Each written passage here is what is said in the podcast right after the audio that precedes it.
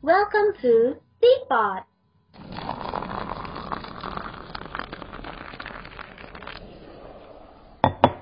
Teapot, TSA Podcast persembahan TSA Undip buat kalian yang ingin mengembangkan diri menjadi lebih dan lebih baik lagi.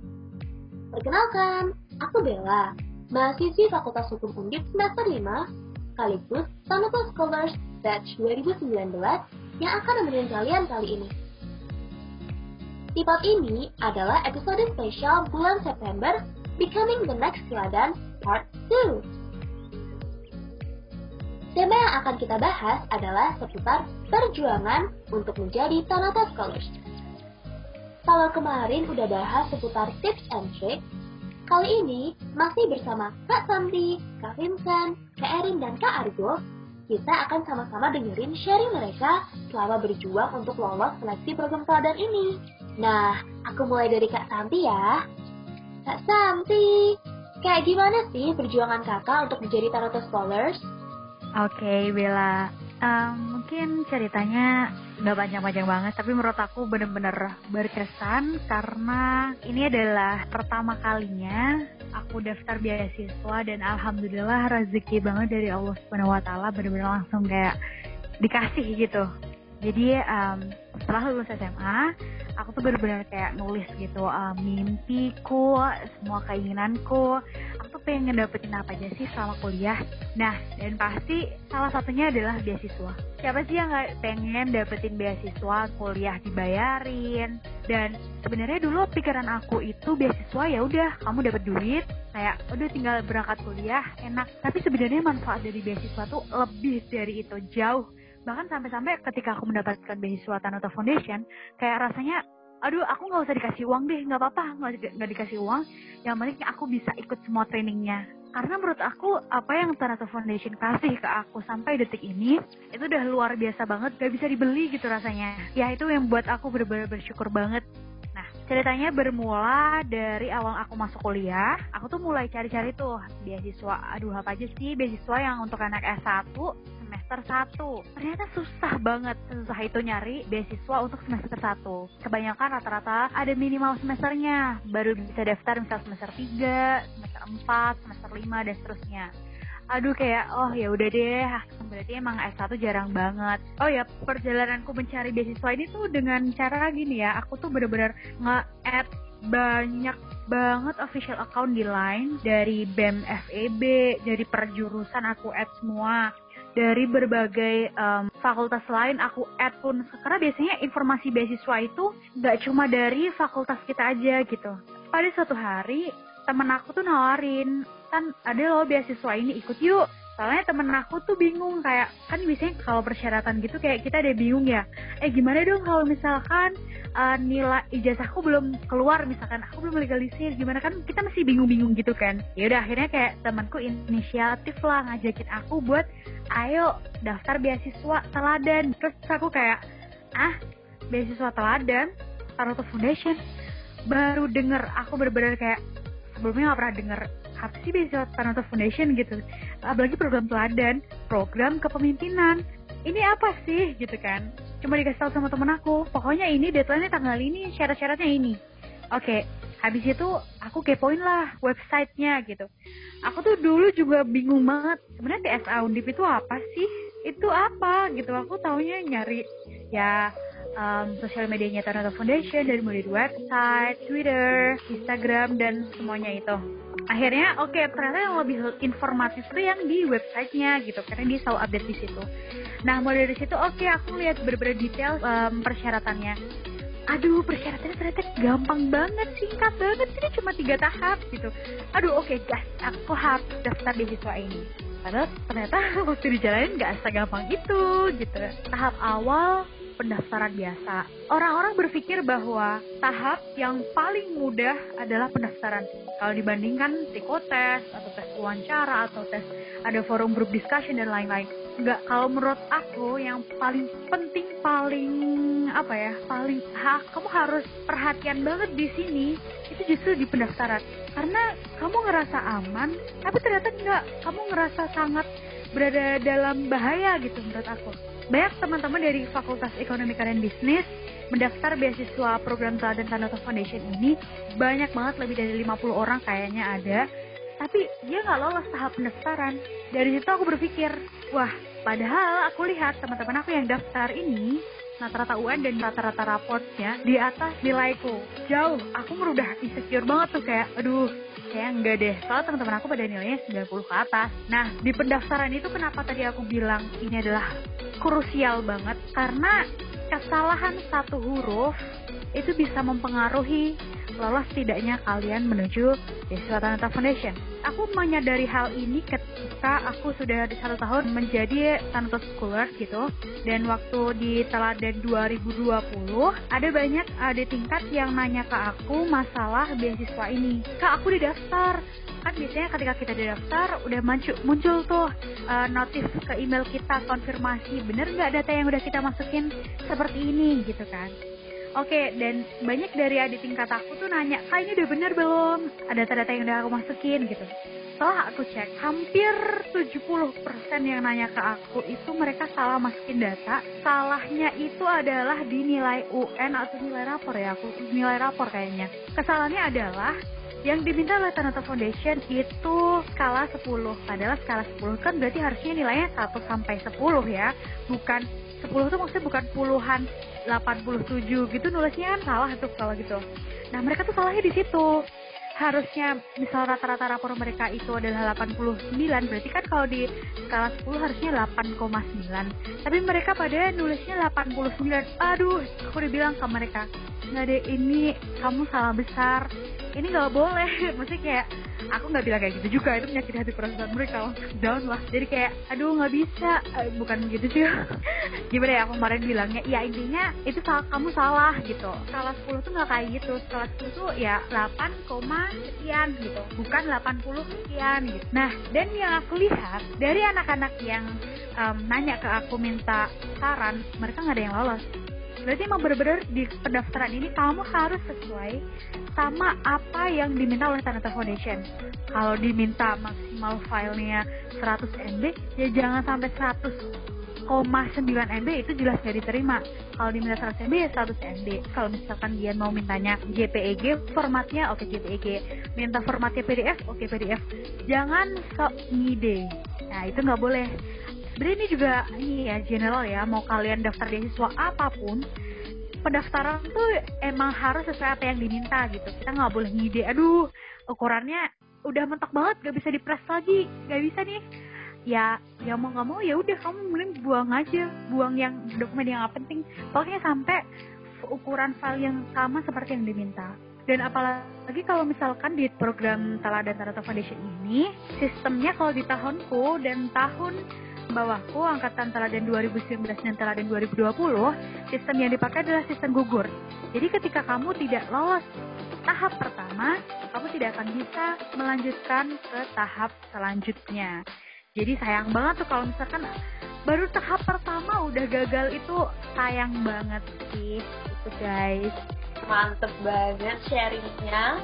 Nah teman-teman tadi kan itu pengalamannya Kak Santi angkatan 2019 ya. Lanjut nih, Kak Vincent kan juga batch 2019. Boleh dong Kak Vincent, kalau kisahnya kakak kayak gimana nih? Uh, Oke, okay. kalau aku sih agak beda ya sama Santi, soalnya waktu masuk kuliah itu jujur aja nggak ada kepikiran sama sekali buat daftar beasiswa. Waktu jadi mahasiswa baru tuh ya ya udah cuma ngikutin kegiatan kuliah seperti biasa di, di jurusanku itu uh, datengin penerima beasiswa salah satunya beasiswa Penutup Foundation mulai itu uh, agak tertarik kan oh ya udah deh habis ini mau kayak masih riwah segala sesuatu gitu udah kelas terus bikin laporan praktikum apalagi aku di sini uh, teknik kaderisasinya agak berat gitu kan ya uh, memang uh, banyak kegiatan angkatan dan sebagainya yang uh, makan waktu sampai malam bahkan sampai pagi. Nah itu karena terlalu banyak waktu sampai lupa nih sempat lupa buat uh, daftar beasiswa Tanuto Foundation. Nah pengalaman yang nggak uh, bikin lupa itu karena Hamin satu deadline pengumpulan form di website itu tiba-tiba aku inget nih oh iya kan ada ini ya beasiswa Tanato Foundation ya. Aku kan dulu mau coba daftar tapi lupa. Nah akhirnya hamil satu tuh aku baru buka websitenya. Tapi emang waktu itu bener-bener lupa riwah banget waktu maba jadi yang baru hamil satu itu. Tapi ya puji Tuhan hamil satu bisa dimaksimalin dengan baik semua persyaratannya bisa tercukupi. Akhirnya uh, lolos seleksi berkas yang tahap pertama uh, waktu angkatanku yang teladan 2019 itu psikotesnya online jadi uh, modelnya kita kayak main game jadi nanti teman-teman diminta untuk download satu aplika aplikasi. Nah itu aplikasi main game gitu, main game bener-bener main game Android. Jadi nanti uh, ada beberapa level. Nah itu nanti kalau udah sampai level terakhir keluar deh skornya teman-teman berapa. Dan mungkin yang terakhir yang bikin perjuangan daftar beasiswa makin kerasa tuh setelah keterima sebenarnya. Karena setelah keterima baru muncul statistik gitu kan disebutin sama pihak TF ternyata yang daftar dari tahap awal itu ada belas ribu dan yang keterima sampai akhir itu cuma 150 orang. Itu kayak wah tuh kan baik banget gitu. Meskipun persiapanku sebenarnya awalnya mepet-mepet tapi Tuhan kasih kesempatan agar aku bisa dapetin privilege ini Gila, emang rencana banget gak ada yang tahu ya teman-teman. Hamin satu, tapi dipersiapkan dengan maksimal, dengan penuh hati. Eh, toh kalau Tuhan berkenan, dapat juga ya. Mm -mm, bener banget. Jadi jangan lupa doa ya guys. Mantap, bener. Itu juga guys, poin penting. Jangan lupa doa, minta doa untuk orang tua, dan usaha yang maksimal. Masih ada dua narasumber kita nih. Kalau Kak Erin, ada cerita apa nih di balik perjuangan menjadi talent scholars? Kalau aku sih pertama kali waktu ngedaftar itu kalau di himpunan aku waktu itu sih nggak ada kayak apa sih informasi beasiswa Tanoto ini nggak ada gitu loh. Jadi kayak harus nyari-nyari sendiri terus ngeliat informasinya harus dari BEM Undip bukan BEM fakultas. Nah jadi itu sih mungkin harus ngefollow. Itu bener sih yang tadi Kak Santi bilang. Terus waktu itu seleksinya yang tahap pertama kalau kita sih kurang lebih sama tadi berkas berkas-berkasnya itu mulai dari nilai UN sampai nilai-nilai rapor. Nah, habis itu tahap duanya itu ada esai.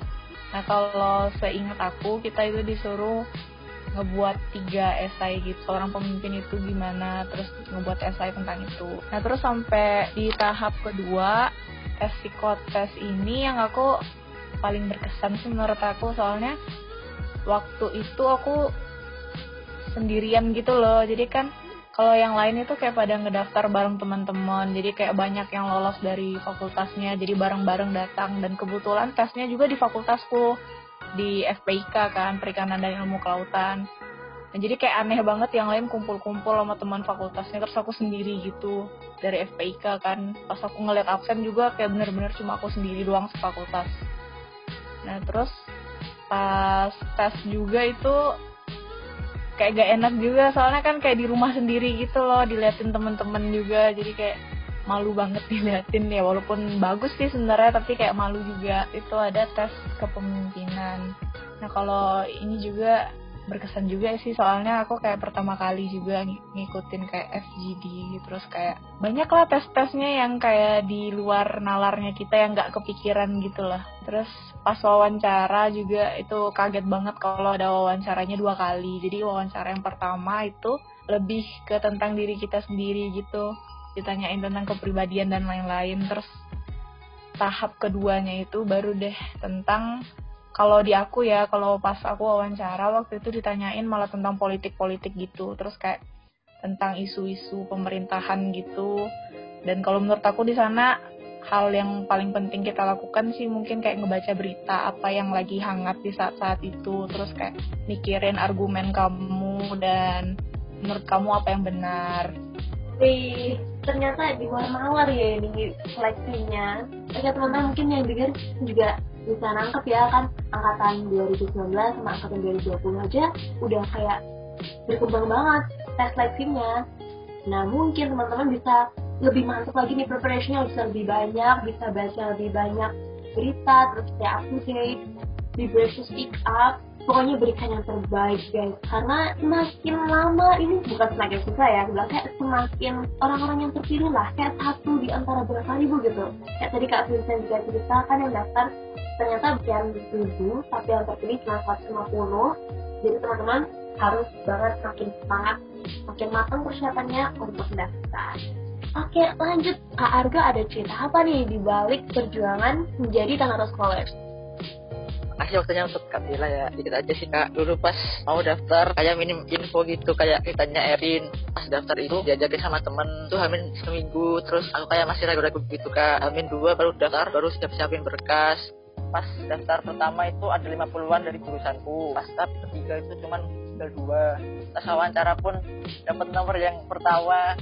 Jadi kayak agak malu-malu gitu kak menurutku wawancara yang terakhir itu benar-benar kayak mengupas di selain kita gitu loh kak itu benar-benar kayak hobimu hobimu lebih ke apa terus kesenanganmu tuh gimana jadi kayak tanya-tanyain tentang manajemen kamu bagaimana pas menghadapi event sih Ini mantep banget. Aku juga baru tahu sisi lain nih dari kita Kak Erin, Kak Argo. Ternyata emang nggak semuanya tuh bahkan untuk informasi saja belum dapat. Nah, teman-teman yang dengerin, kalian ini satu privilege ya teman-teman dengerin Pipot ini. Beneran kita kupas tuntas, kita sharing, kita berbagi insight, terus juga cari terus informasi, stay up to date, dan pastikan persiapan kalian benar-benar maksimal. Oke, agak terasa udah banyak banget insight yang kita dapat serta tips, saran, juga nasihat sama sharing juga dari kakak-kakak narasumber kita hari ini. Nah sekarang boleh dong kasih last word untuk teman-teman pendengar semua dari Kak. Oke, buat teman-teman yang mahasiswa baru terutama yang mau daftar program beasiswa terutama teladan yang penting yakin aja sih jadi teman-teman yakin kalau semua yang teman-teman lakuin yang teman-teman perbuat itu sudah semaksimal mungkin yang teman-teman bisa.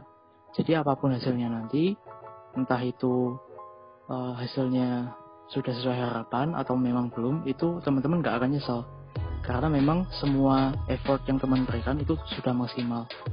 Terus juga kalau misal mau daftar apa pun itu beasiswa pastiin teman-teman nyiapin segala sesuatunya dengan matang entah itu dari mental entah itu berkas, entah itu waktu dan sebagainya, pastikan teman-teman sediain yang terbaik. Dan yang terakhir juga jangan lupa uh, berdoa dan sertakan Tuhan di setiap langkah yang teman-teman ambil.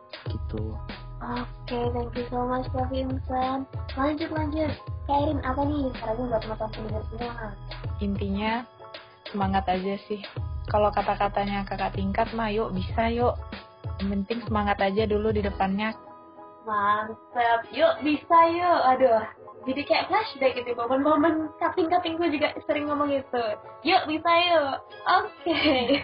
kalau Kak Arya nih last word buat teman-teman semua buat teman-teman semua yang mau daftar program teladan ini jangan sia-siakan kesempatan kalian ya awalnya cuma sekali doang apa siapin benar-benar terus semangat. Jangan lupa minta restu orang tua berdoa terus usahain mampu kalian. Semangat terus ya. Oke okay, Kak Santi boleh dong last word untuk teman-teman? Oke. Okay um, pesan aku buat teman-teman semuanya. Pertama kalian harus perbaiki niat kalian dulu kalian niatkan um, beasiswa ini untuk cari apa sih apa sih yang mau kalian cari? Itu yang tahu jawabannya adalah kalian sendiri. Yang pertama perbaiki niat yang kedua kalian harus yakin kepada diri kalian sendiri bahwa kalian punya potensi yang besar. Kalian yakin nggak perlu insecure kalian pasti bisa. Yang ketiga adalah ketika kalian mendapatkan informasi program beasiswa teladan Tanata Foundation, sebarkan seluas mungkin kepada orang-orang banyak karena kalian harus percaya bahwa rezeki itu tidak akan tertukar. Karena teman aku justru yang nawarin aku beasiswa, dia nggak dapat beasiswa, tapi justru aku yang dapat. Tapi siapa tahu teman aku yang ini justru mendapatkan rezeki yang lebih besar daripada yang aku dapatkan saat ini. Thank you so much Kak Santi, Kak Vincent, Kak Erin, Kak Argo udah mau sharing-sharing bareng di Tipat kali ini. Gila sih, ini kayak beneran special episode buat September. Tipat beneran menyediakan yang terbaik lah buat teman-teman pendengar semua, terutama dalam rangka Becoming the Next Teladan 2021. Oh ya teman-teman, for the record, tiap kali itu pasti ada yang beda ya, entah sistem, konten, metode, dan bisa aja hal-hal yang lainnya. Yang kita bagiin di sini itu reference ya buat teman-teman supaya bisa makin prepare gitu. Apalagi Tanata Foundation itu sangat inovatif guys, selalu ada pengembangan menuju yang lebih baik lagi. So, kalian juga harus keep up nih, persiapannya harus makin kenceng. Oke, okay, next week kita akan membahas seputar benefit dan privilege menjadi Tanata Scholars. Jangan sampai ketinggalan ya. Stay tuned only on Teapot. See you guys! CS Alendip, membumi menginspirasi.